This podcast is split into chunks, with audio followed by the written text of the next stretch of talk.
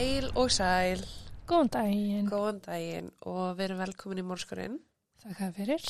Ég heiti Þórdís. Ég heiti Jóhanna. Ég ætla bara að minna ykkur á afsláttakóðan okkar, samstarfsaðalinn okkar, skröpdæri Ísland, en inn á skröpdæriísland.is að þá getið fengið 15% afslátt með kóðanum Mórskurinn. Mikið rétt. Mikið rétt og ég mæli með. Já. Og ég vil líka bara uh, þving ykkur að koma og fylgja okkur á samfélagsmiðlum. Mm -hmm. um, Instagram, Mórskurinn, Facebook, Mórskurinn, setjum svona flest allt inn á Instagram og við hvert eitt og einasta mál þá setjum við inn myndir, sönnugögn og, Mhm. og annað sem að er alveg skemmtilegt að skoða og sjá Já. og erum reglulega að setja eitthvað í stóri, einhverjar vangaveltur og umræður og alls konar. Eða expósa hver aðra. Já og það líka.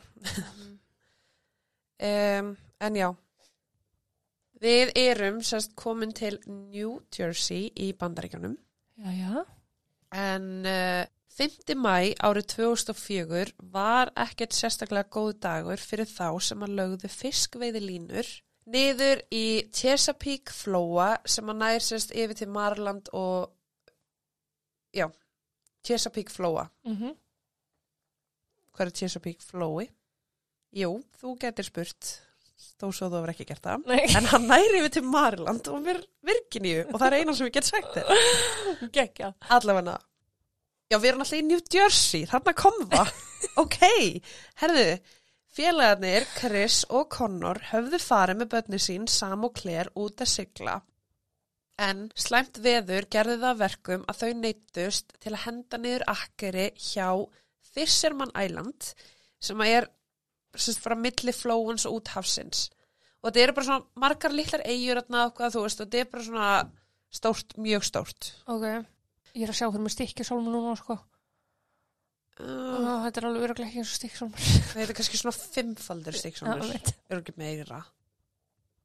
Þegar að óveðrinu lauk þá sáu mennirnir fram á geta loksir silt á stað til frjósamari vatna sem að treyði betri veiði. Þetta er rosalega vel skrifa mál hjá mér. Rosalega. Rjó, samri vatna. Já. I mean, I'm not wrong. Nei. Svæðið bauð upp á lítið fyrir börnin fyrir utan bara nokkur seiði sem var náttúrulega bara allir vonbreyum. Þú veist, börnin vildu bara veiða ykkur stóra fiska og eitthvað hafa gaman. Þetta voru bara eitthvað svona pínlítil seiði. Síli. Já. Hvað er seiði? Er það ekki til? Ég veit ekki, ég er bara að þakka þessu síli. Ok, herri, ég ætla bara að klippa þetta út. Þetta voru tilgangsleisustu upplýsingar dagsins verður ykkur góður. Nei, fiski seiði. Það hljómar þessu eitthvað svo að drekkur. Já, þau voru ekki að því. Nei. Herri, þetta gengur rosalega vel. Oh. Áfram gatt.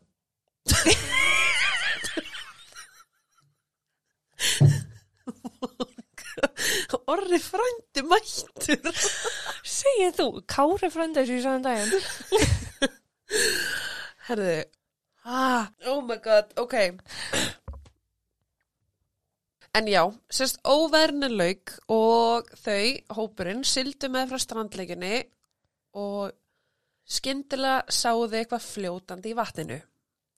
En það var dökk græn ferðartaska.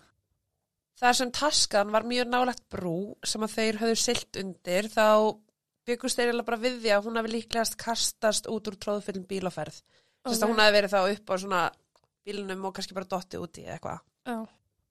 Börnin lístu spennu sinni við töskunni þar sem að þau voru handviss um að þau höfðu fundið fjársjóð í vatninu. Og samhengi er núna sko að þau eru búin að skoða ykkur lítil síli Mm. og svo sjáðu tösku. Mm. Dun, dun, dun. Taskan var tekin um borð og voru þau ekki lengi að opna hana til að skoða innihaldið.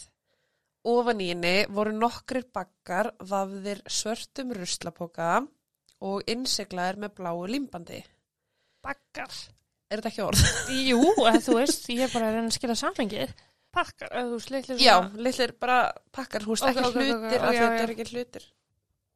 Krakkarnir tóku hvert bita úr töskunni og ekki leið á löngu þar til að þau horfðu skelfingur lostin hvort og annað þar sem að eitt pókana var rifin. Ruslapókanir inniheldu fætur fullorðins karlmanns sem að hafði verið skorinn í nokkra bita við sérst nýjaskell. Ok, hvernig vissu það að vera kallmannsfætur? Og því ef einhver myndi sjá á mér tætnar og myndi halda að þetta veri kallmannsfætur. Hvernig fokkanum vita þau þetta sé karlmaður skilur Þú veist það er alveg rétt. Já, ok, ég, Ok, ruslapókanir inniheldu fætur fullorðins einstaklings ok. sem var órakaður. ok, whatever.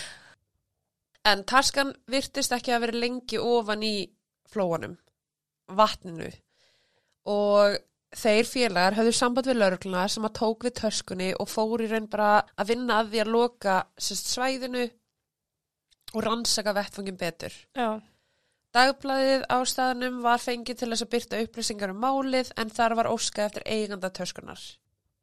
Ekki var sagt, þú veist, nánar frá innihaldi. ok, ég ætla að vera að segja hver er að koma fram. Herri, jú! þetta er, er, er eiginmaður minn. Þeir sérst, sögðu ekki frá innihaldi töskunar að því að lauruglan vildi náttúrulega bara halda öll að sér en það var bara eitthvað, þú veist, hei, kannastu við þessa tösku, týndi þú töskunni, við Já. fundum hana, þú veist, starrara. En auðvitað það finnst líki, það er enginn að fara að vera eitthvað, þetta er mín, Nei, ég meint. Sex dögum síðar fekk lögreglan aðra tilkynningu en þann 10. mæ var stúlka ganga með fram strandlengjunni og var sérst að tína upp rusl þegar hún rak augun í dökk græna ferðartösku sem að lá í sandinum. Ok. Hún hunsaði töskuna í byrjun en þegar hún snýri tilbaka þá sá hún að taskan lá enn óhreyfð á sama stað. Og þá ákvað hún sérst að svala forvitni sinni með því að kíkja hvað væri í töskunni. Þegar hún opnaði töskuna þá tók á mótinni ógeðfeld lykt. Mm.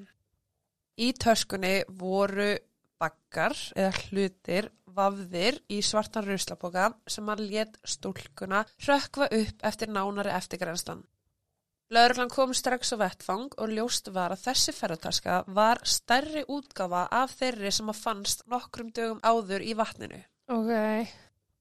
Þessi taska var í mun verra ástandi eftir að hafa leiði á ströndinni í heitri sólinni í marga daga með bara bríminu sem að olli vass skemmdum en einnig var taskan full af sandi. Já. Í henni var að finna tvo svarta ruslapoka sem að inniheldu búk af líkama, höfuð og hendur. Fórnarlambið var hvítur karlmaður á aldrinum 30 til 40 ára. Ok. Hann var bara mjög stæltur og massaður og með stutt brúnt hár. Það fundust nokkur skotsár viðsvegarum líkamanns sem og í höfukúpu og á hvið. Það var einnig teppi í töskunni sem að ástóð eign HCSC sem að er sérst bandariska heilbriðstofnunin Hospital Central Services Mm. en sústofnun veitir margvíslega þjónustu. Þar á meðal uh, var þetta viðtækt þvottahús sem að sáum að þrýfa sem sagt, allt fyrir aðra læknastofnanir um all land. Já, ok.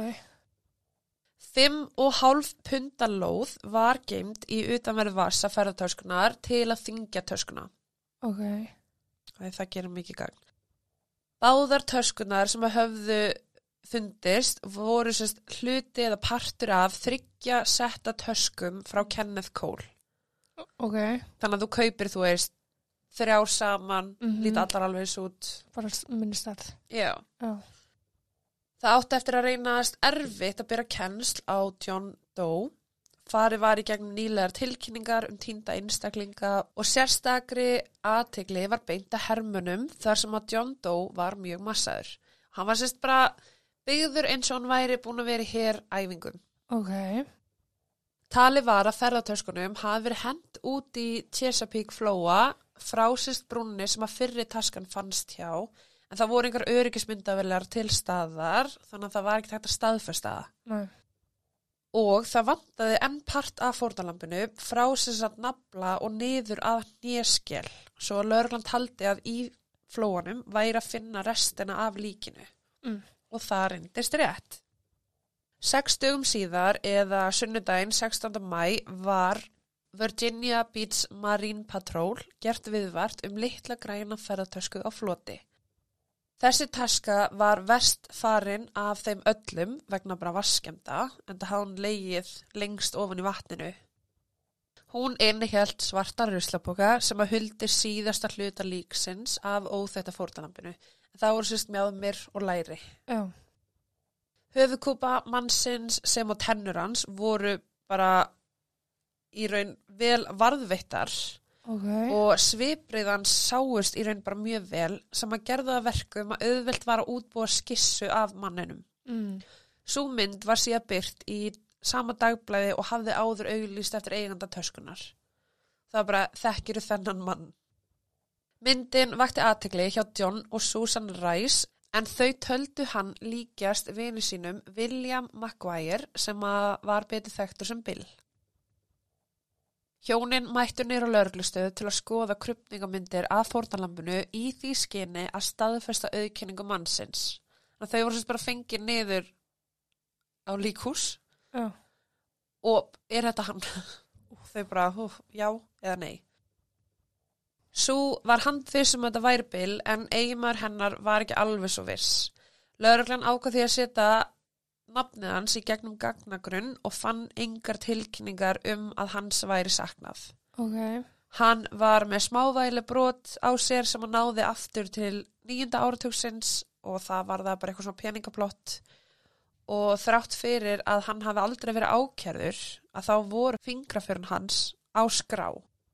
Þannig að þau voru sérst sendi í greiningu til að gera samaburð við fórnalambið. Mm. Bara er þetta hann eða ekki? Hinn 39 ára gamli Bill bjó í Woodbridge í New Jersey á samt eiginkonu sinni og áttu þau tvo síni saman. Miðugudaginn 28. apríl hafði hann og eiginkonu hans gengið frá kaupum á tveggjahæða húsi í Ashbury í New Jersey. Tveim dögum síðar, 5. daginn 30. apríl, hafði eiginkonu hans, Melanie, lagt fram nálgunubann gegn honum fyrir sérst Ó, ok. Bill og Melanie höfðu kynst að meðan þau unnu á veitingastað og urðu bara mjög fljótt ástfangin. Mm. Ára 97 höfðu þau sem flutt inn saman og í lok árs voru þau trúlofið.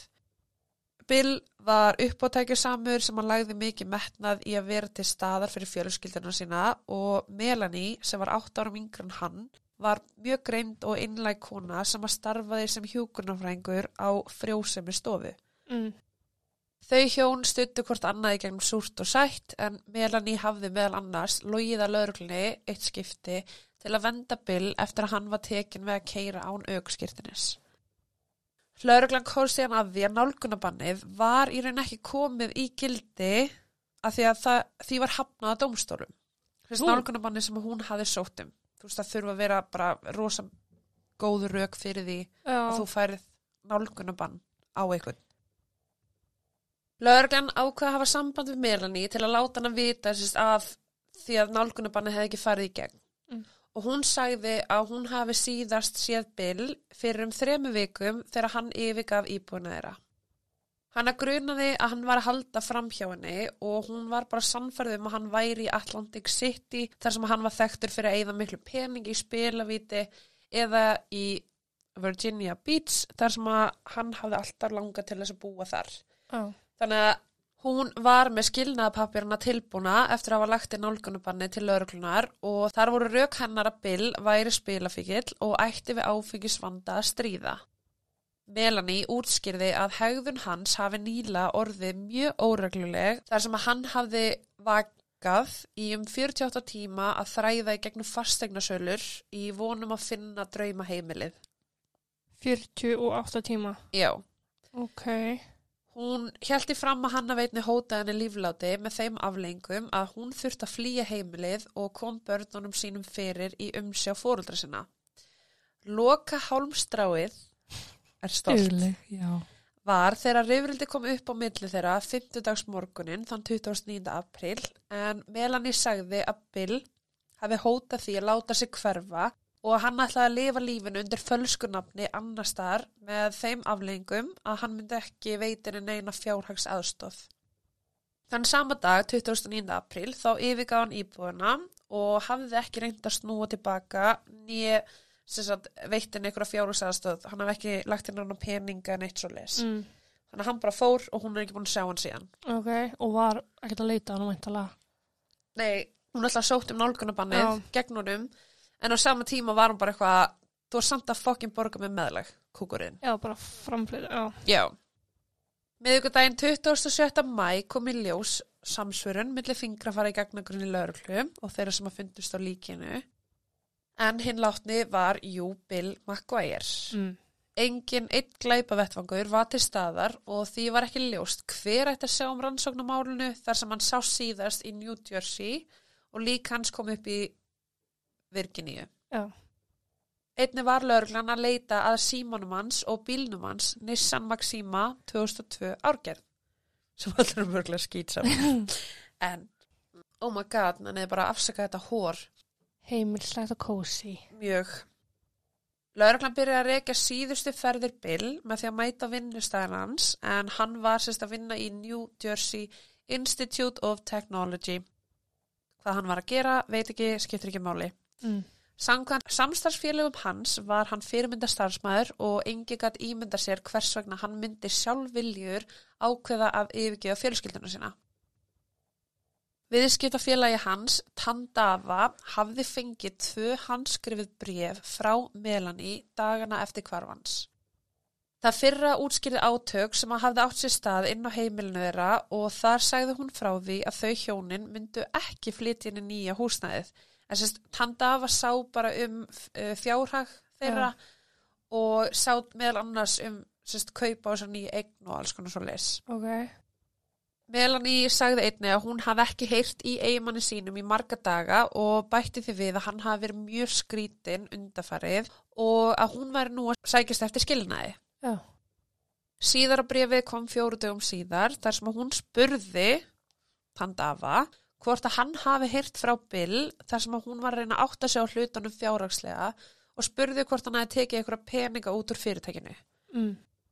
Rannsóna lögreglumenn rættu einni við umsjónumann reikningshalds Bill sem að greindi frá því að dagana eftir fréttir af andláti Bill þá spurði Melanie um líftrygginguna hans sem var um 227.000 dólarar. En ég meina auðvitað, eiginmarðin finnst látin, þú þarft að, þú ert með framfærslu skilda á bönniðin, Já. þú veist, og hann er búin að vera í burti í nokkra vikur, ekki búin að hjálpa til. Mm Ég meina, þú veist, hann er dáinn, hvað áttu að gera? Já. Efst, En spyr hún ekki að þessi áður hann dó? Spyr hún að þessi eftir hann dó? eftir hann dó. Ah, ok, væntalega spyr hún þá um Þú veist, bara nokkru dögum eftir hún frétta andláturinn hans. Já, já, já. We all need to live. Melanie samþýtti að tala við rannsóna lauruglumenn á skrifstofu skilnaða lögfrængsins síns, en hún var sérst búin að ráða lögfræng fyrir skilnaðin. Mm. Lögreglum mætti þangað og voru leittir inn í fundaherbyggi þar sem að Melanie satt með lögfrængnum. Hún svaraði spurningu lauruglu og hjælti fram að hjónaband hennar hafi ekkert verið eins hamingsamt og það leit út fyrir að vera. Hún sagði frá því að það var enn enginn sem að þekkti Bill almennilega nema hún. Og var bara að segja frá því að þú veist, Bill í vinnunni er skemmtilegi Bill sem allir elska, Já. Bill heima er það ekki, Nei, já, ég skilji. þú veist, og Bill í matabóðum er skemmtilegi Bill, Mm. Bill heima er það ekki. Já. Og hún var í raun bara að segja, þú veist, að það pyrra hana rosalega mikið hvað fólk og þú veist, til dæmis samstagsfélagar væru að segja við laurugluna bara að hérna, hvað hann væri góður og allt þetta og hún bara eitthvað akkur ekki að hlusta á mig. Já. Og hún sagði líka eða svona gaf í skinn að yfirmarna spil hafi ætlað að rekan í einhver tíma. Já, Ok.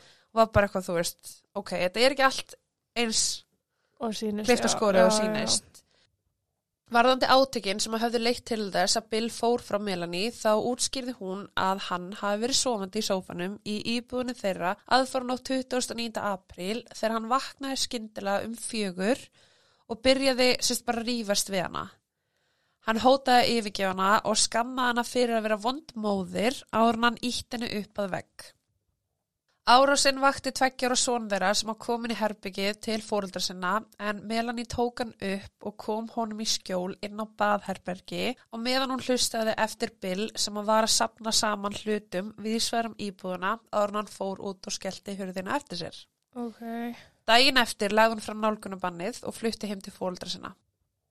Hún neitaði að eiga Kenneth Cole ferðartösku sett nýja byssu, hann var náttúrulega skotin. Já. Hún vissi ekkert um bíl eigimann síns og taldi að hann geti líklegast fundist fyrir utan eitthvað af þessu spilavítum sem hann heimsótti reglulega Mm. í Atlantic City og eftir yfirheyslur þá fóru rannsóna lögreglumenn með Melanie í íbúinu þeirra til að framkoma leit. Bara almenna leið til að reyna að fá ykkur skýringu á... Já, bara þú veist hvar, hvert fór hann og hvað, hvað Já. gerðist. Melanie sagðist ekki að hafa komið ángað síðan hún flutti inn til fóldra sinna og umsjónamaður íbúðurinnar hafði ekkert þrifi íbúðuna til að undirbúa nýja leyendur. Þannig að tómarýmið, íbúðin, Já. var bara nákvæmlega eins og þegar fjölskyldan yfirgaf íbúðuna. Mm. Það kom því lauruglumennum á óvart að nýlega hafði íbúin verið gerð upp og hver ætti að gera það ef að það er ekki búið þrýfana fyrir nýja Já. leyendur uh, hún Melanie fór og er ekki búin að koma hann aftur og Bill stakk af Mhm. og núna látin. Vegginir höfðu verið málaðir og harðviða gólfið var í raun bara eins og glænýtt. Mm.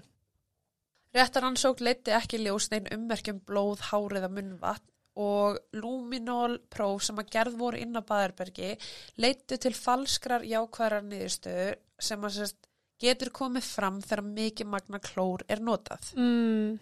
Og það getur líka vel verið bara þú veist að einhver hafi þrifið þetta fyrir Já, ég þekki fólk sem skúra gólfið sinni búið klór, sko. Akkurat. Lögreglan talaði við nágrana fjölskyldunar og það var enginn sem að heyrði byssuskoti, eitthvað rifrildi eða eitthvað, þú veist, eitthvað læti aðfarn á 29. mæ. Já. Morgunin eftir hittu lögreglumenn Melanie og lögfræðing hennar í sérst geimslu þar sem hún var að geima eigu þeirra. Þegar hún var byggðan um að benda á eitthvað af eigum Bill þá benda hún á lítið blátt töpperver plastboks sem að gemdi minningar frá tímans í sjóhernum og nokkrar fjölskyldumyndir. Melanie hafði gefið frá sér flesta hluti látins eigimanns síns, þar á meðal þingdarsettið hans og handlóð. Og þú manst kannski eftir að fannst handlóð í töskunans en lögreglan rakti kaupandan Já. og það passaði ekki við lóð og plötuna sem að fannst í ferðartöskunni. Þannig að ok. hún var ekki partur af þessu setti. Melanie sagði við rannsakandur að eftir að hafa tekið sér smá umhugsunar tíma eftir skýrslutökuna þá myndi hún eftir því að fjölskyldan gæti hafa átt Kenneth Cole ferðartöskur en hún myndist þess ekki hvar þar væru. Ok. Þegar þeir síndi henni myndar sambarlegri tösku uh, þá var hún eitthvað svona, veist, ok, þetta er alveg líkt þeim sem við áttum en ég er ekki alveg viss. Já. Veist, ég á bleika ferðartösku, annarkvæmst þáttu bleika að græna Já, svarta, skilur, já, veist, já. þetta er svona, ég veit samt ekkert merkið, en Nei, ef ég ætti. Dolce Gabbana tösku þá myndi ég klálega vita merkið. Já, mitt. En ég veit ekki hvernig tösku ég kiptur á fjórum, sko. Nei. Rannsónalörglumenn fengu upplýsingar um að Melanie væri sérst að leia annan geimsluskáp sem hún hafði ekki sagt lögreglunni frá. Já. Það sem var forvitinlegt er að veski hans bil fannst í þeirri geimslu. Peningaverski. Já. Mm. Starfsmæður dráttafyrirtækis hafði síðan samband við lögregluna og sagði þeim frá því að laugadaginn 8. mæ, rúmri viku eftir að Bill kvarf, þá höfðu þeir fjarlægt bláan Nissan Maxima 2002 árgerð Mm. af bílastæði fyrir utan Mingo mótilið í Atlantic City sem að staðsett er hjá mjög annarsömu spilavíti. Ok. Mótilið var í tveggja tíma akstursfjarlæðar frá íbú þeirra hjóna og hjælt orðspúri sem greiðastæður fyrir glæpamenn. Mm. Hættlegt.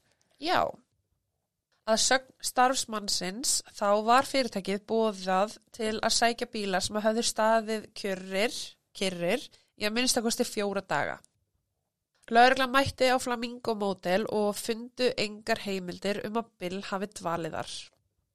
Myndbansuptökur úr eftirlismyndavelum síndu bílinn hans Bill fara inn á bílastæðið klukkan 12.41 þann 30. april.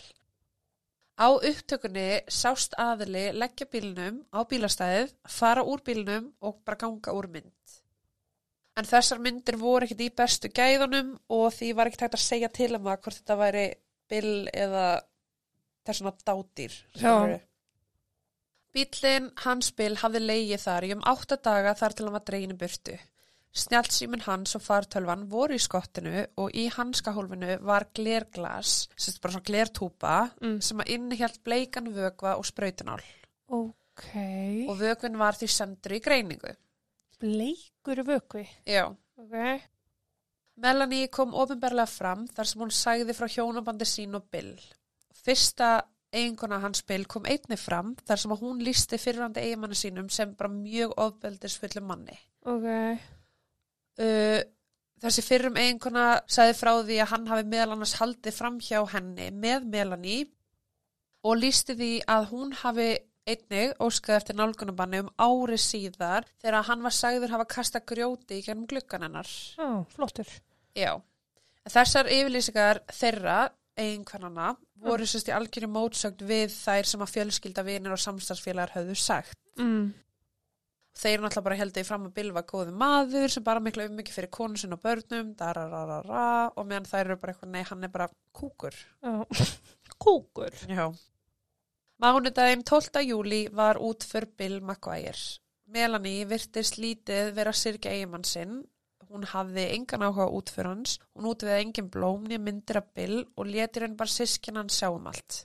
Já.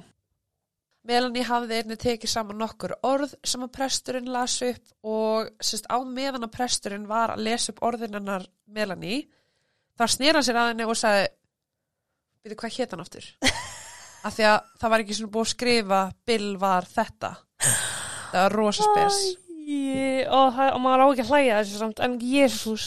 en það í raun bara segir okkur hversu ópersonlegur textin hennar var Já, algjörlega. en á sama tíma, þú veist hún er okkur bara brjáluð ég, ég var óksla pyrruð já, ef að eiginmaður minn myndi bara lappa út frá mér þú veist, skilja mig eftir og eða þú veist að ég veit ekki, ég er hana já. já. Ég hugsa þetta sé allavega svolítið flóknum tilfinningar sem Ég- er í gangi hjá henni. já Viku eftir útfyrir Bill þá setti Melanie húseira á sölu en kostnærin var sérst aðeins meira en þetta hafði upp að þið kostað. Mm. Núna hefði, þú veist, bara þau voru búin að kaupa þetta hús saman, búin að þetta kaupsamning og allt Já, og hún var bara, ok, ég ætla að selja húsið hvað ég að gera við það það var í raun ekkert að frétta af máli Bill og lífið hjælt bara áfram fyrir eftirlifandi fjölskyldu fjórum mánum eftir líkfundin fór lauruglan í það erfiða verkefni að endumeta málaskíslur og taka viðtöl við vitni. Umvarða 221 sönnunagögn sem að þurfti að þræða í gegnum sem og að skoða blóð, þvag og vefja sinni.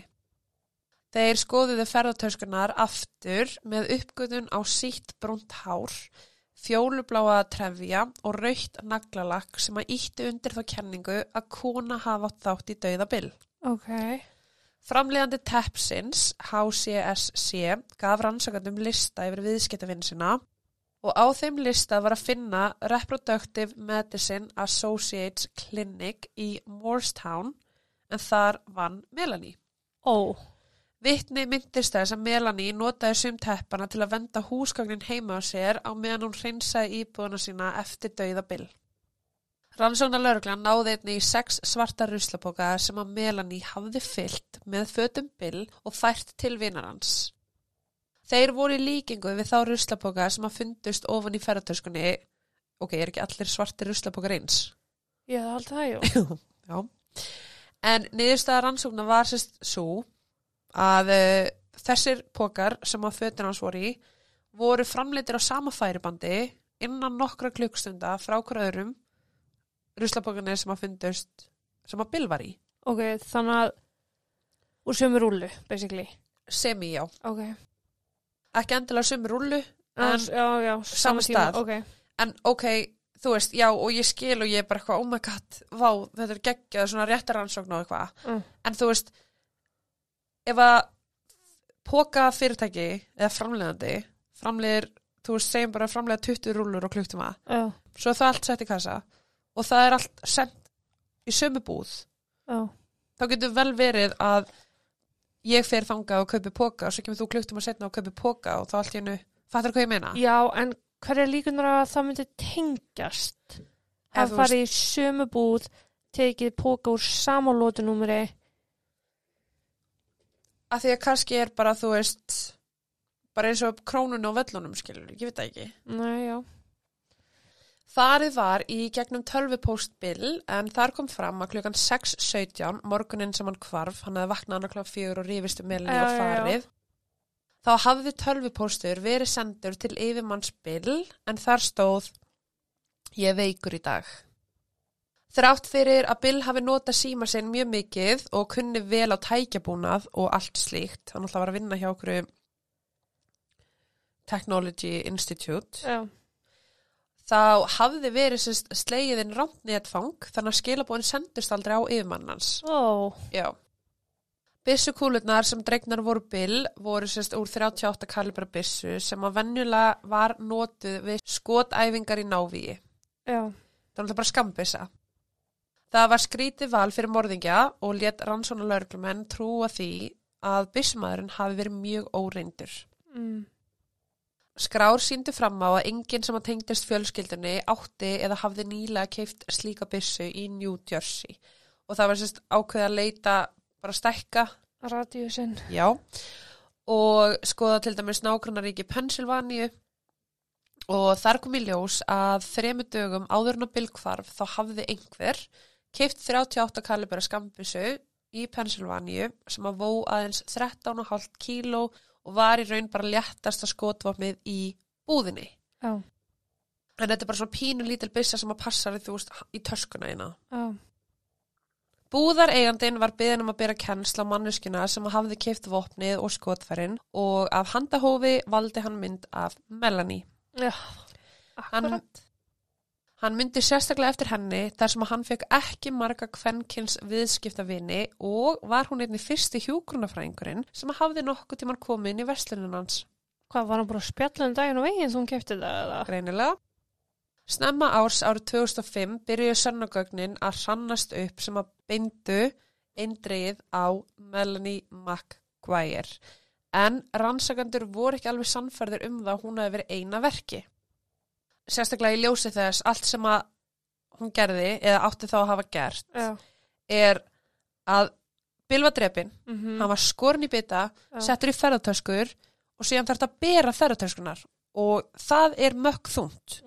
Og enginn með batn eða neitt heldur, hún tökjara batn. Já, pluss hann átti tvö börn, Og tvö bönn, já. já, sem voru tveggju fegurara. Mm, Þannig að þú veist, rannsækjandur eru bara eitthvað, ok, það er ekki sens að hún gerði þetta ein. nei, Allt þetta, sem er að fara og kasta þessu yfir grindverki á brunni, já, sem er vonandi hátt. pluss að búið að setja lóðina í, þannig að þetta er ennþá þingra. Já, Þannig að, já. Þeir byrjuðu að hlera síman hennar og það var oft sem hún talaði við yfirmann sinn á frjósemi stofinni, Dr. Bradley, og svona oft sem hún var að tala við hann, þú veist, utan vinnutíma. mm, Hann var kvæntur fjölskyldumæður, nota beni, mm, en símtölinn benti bara á að það væri eitthvað meira í gangi heldur en bara, hei, ert þú að koma að vinna í dag? Uh, er Pétur klukkan þrjú, skilur já. á frjósumistofu. Já, allavega Hann var sérst fenginu skýslutöku hjá lögreglu og neitaði bara að tala við það án lögfrængs. Hann var bara, ég veit ekki hvað þeir eru að bendla mig við, en ég ætla að fóra lögfræng. Ok, 100%, do it, alltaf.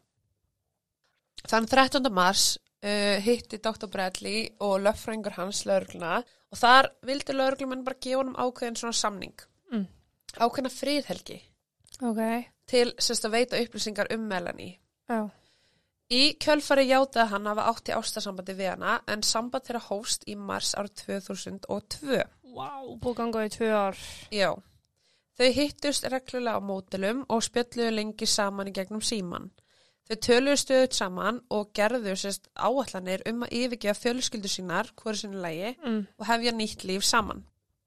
Að sög Bradley um þetta kvöld þá höfðu hjónin gengið frá kaupsamningi að heimili sínu í Asbury. Melanie ringdi í hann til að segja honum að hún ætlaði að byggja Bill um skilnað.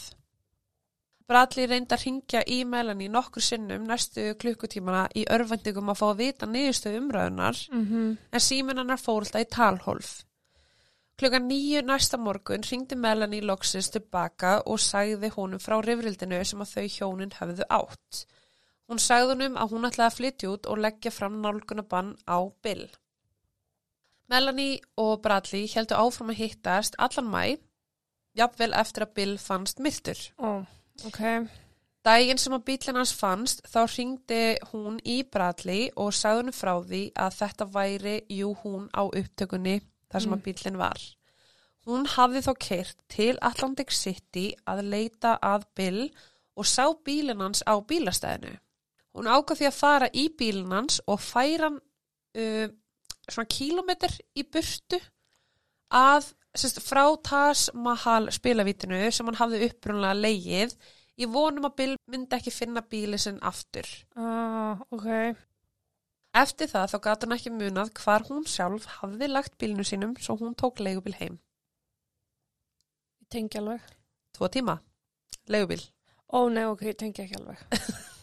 En ég tengi að finna ekki bíli. Já, já, en ég myndi frekar gangi tvo tíma að leita bílnum Já, heldur en að taka sama leigubíl heim. Þegar hún kom heim þá fannst henni hún skyndilega muna hvar bílinn var svo hún ákvaða að fara aftur að sækja hann. Hún talaði þá við leigubílstjóra sem hann var ekki á vakt og snýri tilbaka til Atlantic City til að sækja bílinn. Það voru engar heimildur um að leigubíl hafi ekið konu næstum tvo tíma frá Atlantic City til Woodbridge þennan dag Ok. sem að daginn sem að Melanie sagðist hafa keirt ángað. Hún sagðist einnig hafa snúið aftur til Atlantic City nokkur dögum síðar með stjúpföður sínum til að aðtöða hvort Bill hafi sótt bíli sinn en bílinn lá enn ósnertur. Þegar hann kom þangað í þriðaskipti þann 18. mæ þá var bílinn skyndilega horfin. Hún sagði við Bradley að hún hafi uppróðlega slefti að minnast á þetta við hann því að hún var hrættum að hann myndi sérst, halda því fram að hún vildi Bill aftur. Þannig að hún var bara eitthvað, vildi ekki segja við hann, já, herði ég fór út og tekka á bílnum og allt þetta, af því að hún var hrættum að Bradley væri bara eitthvað, já, ok, akkur þetta gera það, akkur þeir ekki sami um hann, Mm. akkur þetta spáði. Já. Eru við tvö ekki að fara að byrja nýtt líf hérna í kórukörinu, skilur við? Já, stöldar.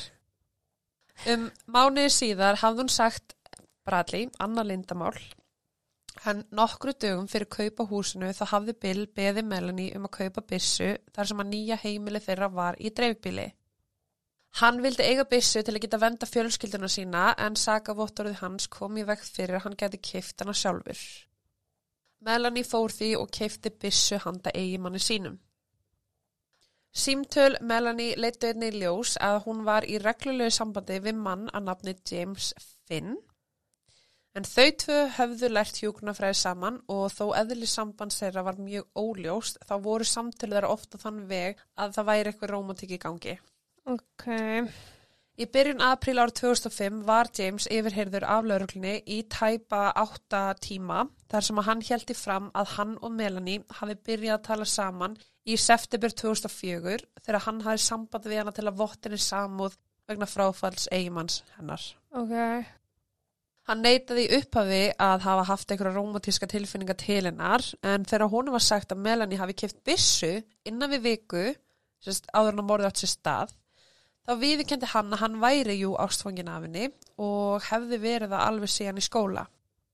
Melanie hafði einni gefið James, sérst jólagjöf árið sem að Bill dó, en það var spennu skálsa Stephen King sem heitir Dolores Claiborne sem er saga um konu sem að drefur eigimann sinn og kemst upp með það. Hmm.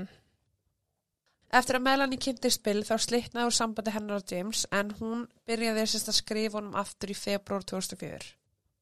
Hún hverta yfir hjónabandi sínu og lísti óreglulegri hegðun eigimann síns sem og óta. Samkvæmt James þá let Melanie það hljóma eins og Bill væri bara að neyta fíknefna annarkvort eða hann væri að upplifa geðurof. Vikuna áður en að Bill hvarf þá svaraði James trublandi tölvupósti frá Melanie þar sem að hann ráðlaði henni að yfirgefa húsið með börnin og fara til móður sinnar. Hann mælti með því að hún myndi kaupa sér litla skambisu til að venda sig. Þegar hann spurði hana hvort hann hafi gengið í gegn með kaupin þá neyta hann því. En þegar hann áttaði sig á því að hún laug að honum þá ákvað hann sérst að gera eins og Bradley, friðhelgi samning við rannsakatur og samþýtt að leifa um að hlera síma sinn. Mm. Þessi James var bara, þú veist, neita öllu og var bara eitthvað, nei, nei, nei, þú veist, það, Melanie er bara saklaus og eitthvað. Já. Og svo þegar rannsónulörnum var bara já, herðu, veistu þú, hún keipti hérna byssu vikun áður. Þá var hann bara, ok, hún sagðist ekki að gert það. Já. Já. Í einu símtali baði James hana um að gefa upp staðsendingu byssunar sem hún hafi keift en hún sagði hann frá því að hún hafi að hún geimd hann alltaf í læstum skáp í gömlu íbúinu sinni en hún segist hafa aðtöða skápin eftir að Bill fannst látin og þá var byssan horfin. Að morgni 50 dagsins 2. júni árið 2005, rúmu ári eftir að Bill var látin, var Melanie formlega ákærð fyrir morða fyrstu gráði, en hún neytaði allri sök. Mm. Á blaðmannafundi var tilkynnt um að fleiri handtökur væru mögulegar og að ákæruvaldi geti farið fram á dauðarefsingu í máli Melanie. Lauruglustjórn í New Jersey sagði að rannsóknin hafi sínt fram á sögu um framhjáhald. Þegar Melanie var handtekinn þá var leitgerð á heimilin hennar í Brygg þar sem hún bjó en þar var lagt hald á tölvu, alls konar, DFD-diska og eitthvað svona drasl Já. og ringsög. Og ringsög.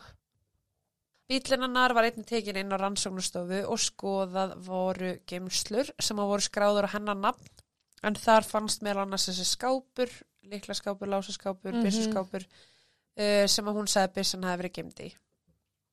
Mér finnst fyrirðalega að eiga svona mikið að geimslum. Já, mér finnst það líka. Fimm dögum eftir handtökunar ákveðu fóreldrannar að setja veð á heimili sitt til að borga tryggingu fyrir hana sem að nam 750.000 dólarum. Tveimur mánuðum síðar voru undarleg bref send nokkrum aðilum, þar á meðal ríkisaksóknara, Dr. Bradley, skilnaða lögfrængnum hennar og Melanie sjálfri. Það voru fjóra blaðsjur af texta sem að skýrðu frá skipulaðir glæpa starfsemi þar sem að tala var um að Bill væri legari og spilafíkill og þess vegna hafa hann verið myrtur. Í brefunum var minnst á þrjú mikilvæg atrið sem að ekki höfðu verið byrt almenningi á meðan rannsókninu stóð en það var til dæmis að hann hafi verið í fjólblám nærbuksum þegar hann fannst. Einnig að handlegir hans voru enn áfastir við búkin og að lóð höfðu verið notuð til að þingja eina ferratöskuna. Mm. Í brefinu var einnig tala um Melanie sem ligara og að hún gæti sko alls ekki gert það sem að þrýr menn höfðu gert. Hmm. Þrýr. Já. Ok. Rannsakandur töldu að Melanie sjálf hafi skrifað þetta bref Já. til að beina aðtikli frá sjálfu sér. Hún alltaf laus á tryggingu að þau fóldrannar borguð hana þannig að hún var alltaf bara heima á sér. Mm. Þriðju daginn 11. óttúber árið 2005 hófust réttarhöldin til að ákverða sérst hvort að nægar sannanir væru til staðar til að ákjæra Melanie fyrir morð á fyrstu gráði. Það er sérst oftast er réttarhöldum skipt í þrenn. Það er fyrst þá það bara farið við sannagögnin, er þetta nóg til Já. að kæra hana? Já, ok, þá eru réttarhöldin sjálf, Mm. þá er kviðdómur, er hún seg eða saklaus? Seg, ok. Svo kemur þriðja, þá er dómsuppkvæðningin, þar sem að refsingin er kviðinu upp. Í sérst þessum fyrstu réttarhöldum, þegar að vera ákveða hvort það væri næga sannanir, að þá var ákæruvaldið að taka viðtal við síðasta vitni sitt þegar FedEx pakki barst dómhúsinu. Nei. Málsmeðferð stöðvæðist og kviðdómyndur fóru úr salnum á meðan innihald pakkans var skoðað. Pakkin innihjalt silfurarband og giftingarring sem að tilherði Bill. Einni var líkil af sérsagt byssuskapnum, bíllikillin hans Bill, dagatal, plastpóki með livsseilskildum livjum stílað á Bill og örlíti magn af Mariana. Einni var til staðar nafnlaust bref sem var stílað á sérsagt aðstór dómsmálar á þeirra en þar var sagt að höfundu brefsins vann á sömu fastegna skrifstofu og ein af eldri systrum Bill. Uh, sá aðili sem að sem sagt, gerði brefið sem var sendt með pakkanum sagðist hafa fundið þessa hluti í ruslinu á þessari fastinasölu sem að sýstir Bill vann á Mm. og ásamt einhverjum svona tveimur verkefnarlistum sem að ástóð Final States og Set Her Up. Mm. En þar var sérst ídala áallinu um að Cindy, sýstir hans Bill, hafi ætlað að benda fingrum á Melanie og fjölskyldu hennar og bendla þau við morðið svo hún geti fengið líftryggingu bróður síns sjálf og ætlitt börnið þeirra þar sem að Cindy hafði jú tekið við þeim eftir að Melanie var handtekinn. Já. Já, sérst, bara ef einhver skildi þetta ekki, þá kom pakki Já. og með pakkanum var bref og á brefinu stóð ég fann þessa hluti á þessari fastunarsölu mm þar sem að sýsti Bill er að vinna. Já, já. Þetta já, var í ruslinu þar. Ok, Og með þessu brefi voru tveir verkefnalistar sem að var bara eitthvað final stage og set her up. já, Og þar var sérst áallin um að einhver á þessari fastunarsölu, a.k.a. Cindy, var sérst að varpa sög á Melanie. Til þess eins að komast í liftringapenninguna og fá bönnin. Já. Ok, Þetta náttúrulega bara setti allt á stopp, þú veist. Náttúrulega að rannsaka þetta nánar og rithöndin á brefunum passaði ekkert við rithönd Cindy mm. nýjan neins sem að var að vinna með henni á fastunarsölinni. ok, Símanúmerið á skrifstofunni hennar var einnig ránt sem á heimilisfangið. Skrifstofan notaði heldur ekki FedEx sem flutningsaðila, svo það var svona hvað hva komist pakki. Listin var því skrifaður af einhverjum sem var að reyna að varpa sög á Cindy. Starfsmæður á vegum FBI, James Fitzgerald, var fenginn til að skoða rithöndina og bara sérst, bera það saman og finna eigandan af þeim sem að skrifa þetta bref mhm, en hann til dæmis uh, var einn af þeim sem að kom Ted Kaczynski Unabomber ég kannast þetta nafn. já, hann kom honum til dæmis fyrir dóm Já, með því að skoða rítönda og hvað mjög geggjaði maður Mhm. allavega. Hann komst að þeirri niðurstöðu að sérst listin, hann að to-do listin já, og fjórablaðar sinna brefið sem hafði verið sendt hann að nokkru áður voru sérst með sömu stílmerki og greinamerki og sýnishorn af rítönd Melanie. En það var sérst um 85-95% vissa að þetta væri rítönd Melanie. FedEx pakkin var sendur á stað tveimur dögum áður og greittur með gjafakorti American Express í apoteki í New Jersey. Og rannsóknulörglumenn skoðu myndbarsaupptökur og sáu konu sem að passaði við lýsingar Melanie koma inn í búðina klukkan 15.48. Gjafakortið hafði verið keift þremur mínútum áður og ákjöruvöldi taldi að það væri ekki tilviljun að pakkin væri að byrtast inn í dómhúsinu á sama tíma að það væri verið að ákvæða hvort það ætti að rétta yfir henni. já, akkurat. Miðvikudaginn 12. oktober var staðfest ákjæra á hendi Melanie fyrir morða fyrstu gráðu, fyrir brot á vopnalögum, fyrir ósæmilega meðferð á líki sem og minnsæri fyrir ranga sakagiftir. Trygging hennar var í kjölfarið hækkuð í 2 miljónir dollara. Melanie réð lögfræðingin Joseph Tucker Pina til að verja sig en hann var bara mjög ábyrrandi lögfræðingur uh, í bandaríkjanum Já, en hann hafði ekki leifi til að stunda lögfræði í New Jersey en fekk sérst leifi til að starfa við hlið lögumanns á staðnum. ok, Við sjáum þetta oft með svona mál þar sem að það kemur eitthvað svona stjörnulögfræðingur og allar allt í hann að breyta heiminum. já, En hann, þú veist, má ekkit taka yfir málið að þetta er ekki hans sérst, lögsaga nei, en hann getur verið sem bara svona, Ráðgjafi eða hvað hann ekki. já. Joseph var fljótur að beina aðtekli fjölmiðla á stöðningin sem að Melanie fekk bæði frá vinum og fjölskyldu sem að síndu sögu af góðhjörtu um hjúgrunafræðingi sem myndi aldrei fremja morð. Þá sagði hann opiðberlega að hann myndi aldrei koma fram fyrir höndunar ef hann teldi ekki að hún væri 100% saklaus. Ok, núna ertu búin að snúa mér í ringi, sko. Ég skil, en ég bara veit ekki hvað mér finnst um málið. Vinir og fjölskylda Melanie stopnuði vefsíðu þar sem að frjáls framlög voru send til fjölskyldunar til að borga þess að 2 miljón dólar tryggingu. Já, Í november leittu niðurstöður réttaransóknar í ljós leifar af uh, DNA hennar Melanie á gólfinu í bílnum að spill sem að fannst yfirgefin. Einni fannst manna vefur og beinagnir á gólfmóttunni aukumannsmegin. Réttarmeinafræðingur álíktaði að nýfur hefði verið notaður til að skera í gegnum húðbill og svo sög notið til að komast í gegnum beinið. Ákjæruvaldi taldi að Melanie hliti hafa stegið oft í leifarnar mm, og raki það síðan inn í bílinn þegar hún keirðan til Atlantic City og yfirgafan. já, Með því að gera þessa rannsók, þú veist, að þá er þeir raun bara að varpa ljósi á það að Melanie drapan mhm.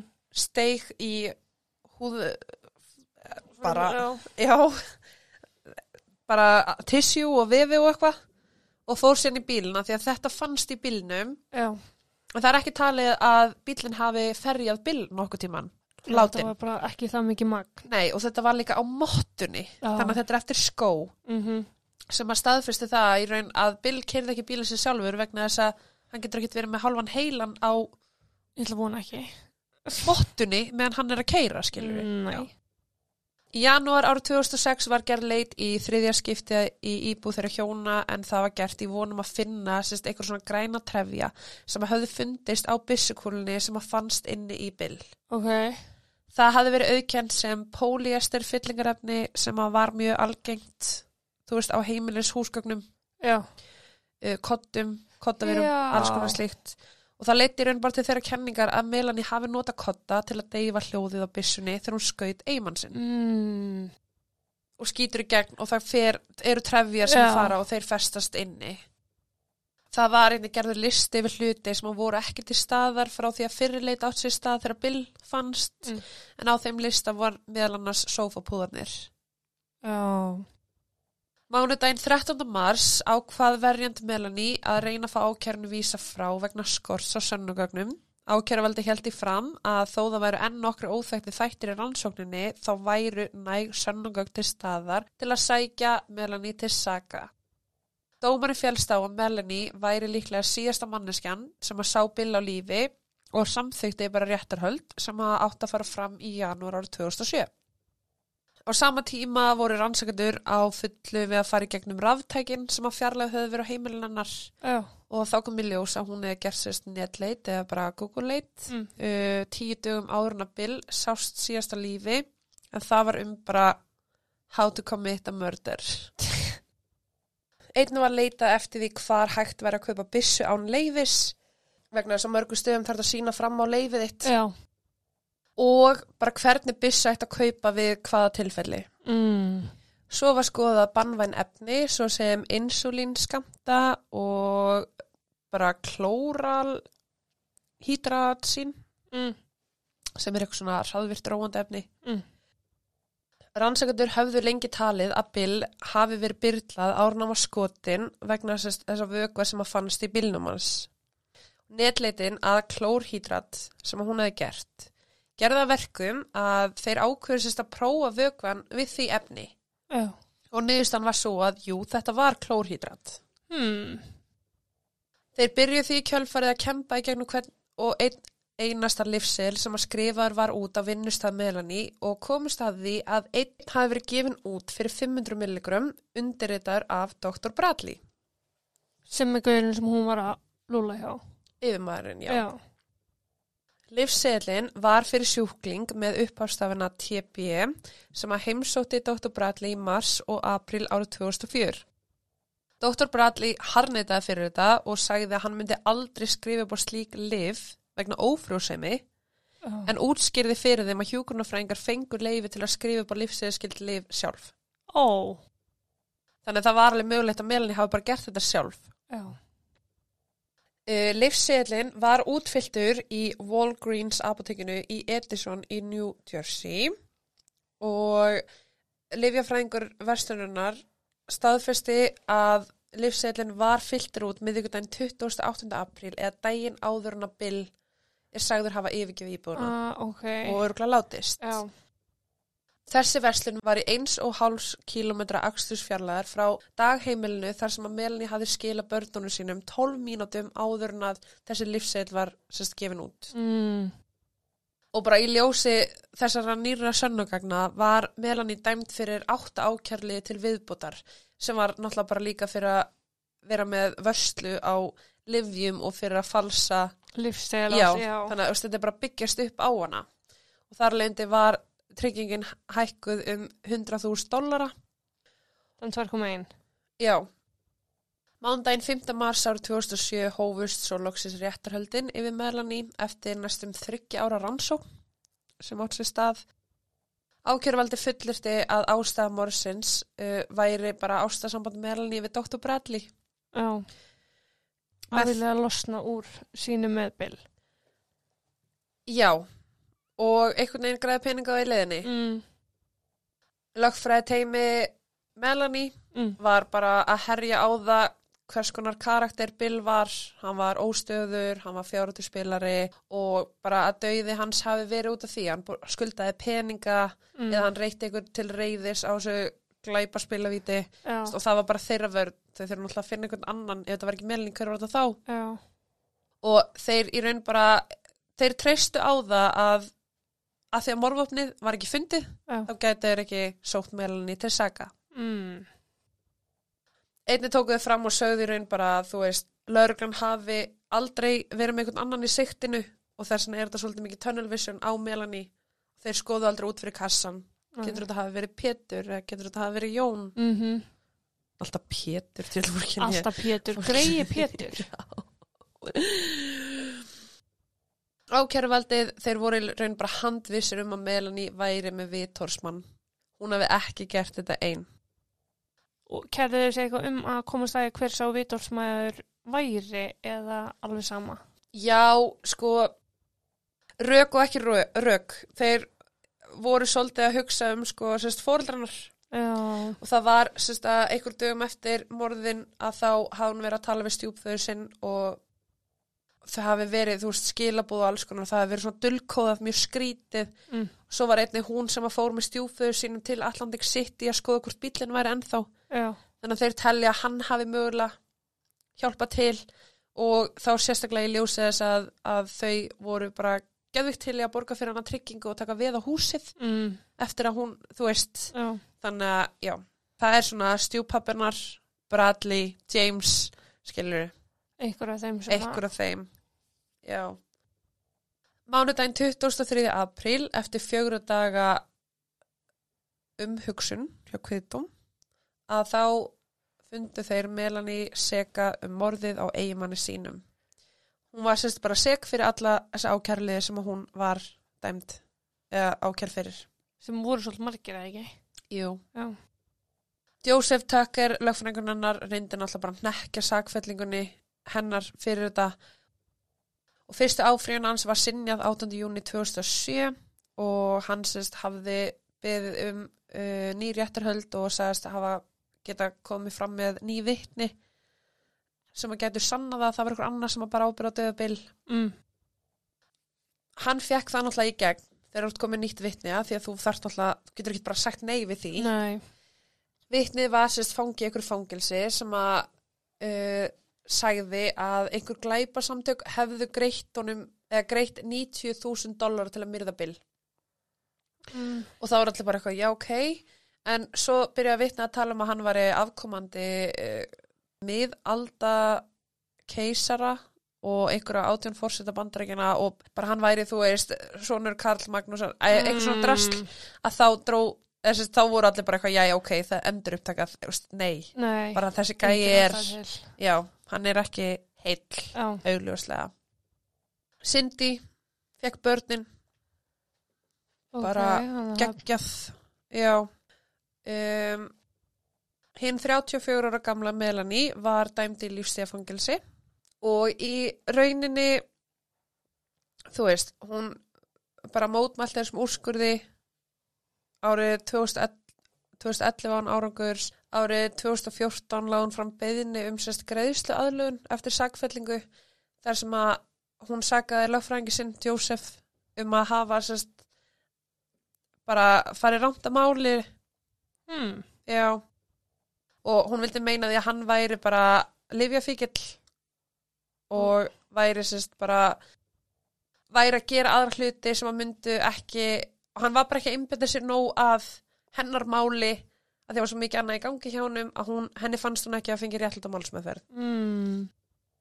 og því var sinjað og svo í árið 2011 þá var aftur sinjað sérst áfríun frá henni og já, þrátt fyrir að það séu grunnsöndur um að það hafi ykkur vitórsmaður verið með henni að þá bara hefur ekkert það verið enginn verið handtekinn eða ákærður tengslu við morðið annað en hún Mm. Alltaf sé samt, alltaf þessar áfríðanir í stundu palliði, er fólki saklaust, er það bara að reyna allt það getur og hefur full og trúið því að það komist út á endanum. það hefur fullu trúið því að komast út af Já, endan að því að finnst bara síðan eigin glæpur vera fullkomin. já, þú veist, og þess að þarna skilur það er ekki búið að finna morðvopni Já, það vegur náttúrulega mjög þungt. að því að sko það sem er í raun bara sönnugögnin í þessu máli eru ruslapókarnir Já. uh, töskurnar sem að hún viðkenda eiga en var ekki viss Mm sem alltaf komu uh, það var náttúrulega framhjóldið og svo var það náttúrulega hérna heilinans ok, já, já leifarnar hans Bill sem að fundist í bílnum sem að augljóslega var með hennar DNA þannig að hún hafði keirt, það er svona helsta sönnugagn að hún hafi stigið í það Mm þú veist, þannig að hann kerði ekki sjálfur. Þú veist, þetta er það sem að sagfældana Já. hún viðkendi aldrei neitt og það fannst aldrei byssan og hennar DNA var ekki á líkinu hans þú veist, Mhm. þetta, er, þetta er alveg svolítið svona, þetta eru veikrök þannig séð, veik sannugögn En mörg. við, en mörg með við hvað, þú veist, getum fundið Já.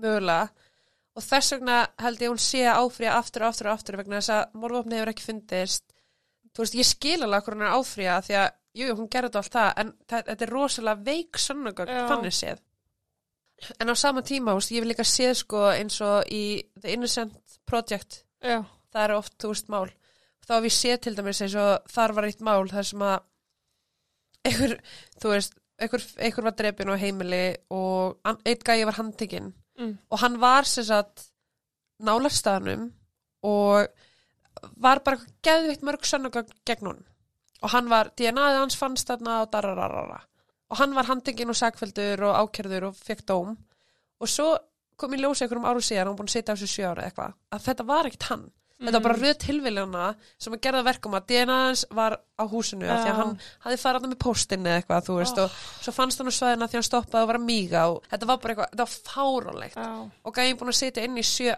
ár. Þegar lóksins kemur ljós. Já, þannig að þú veist, en á sama tíma, ég held að sé alveg svolítið Já.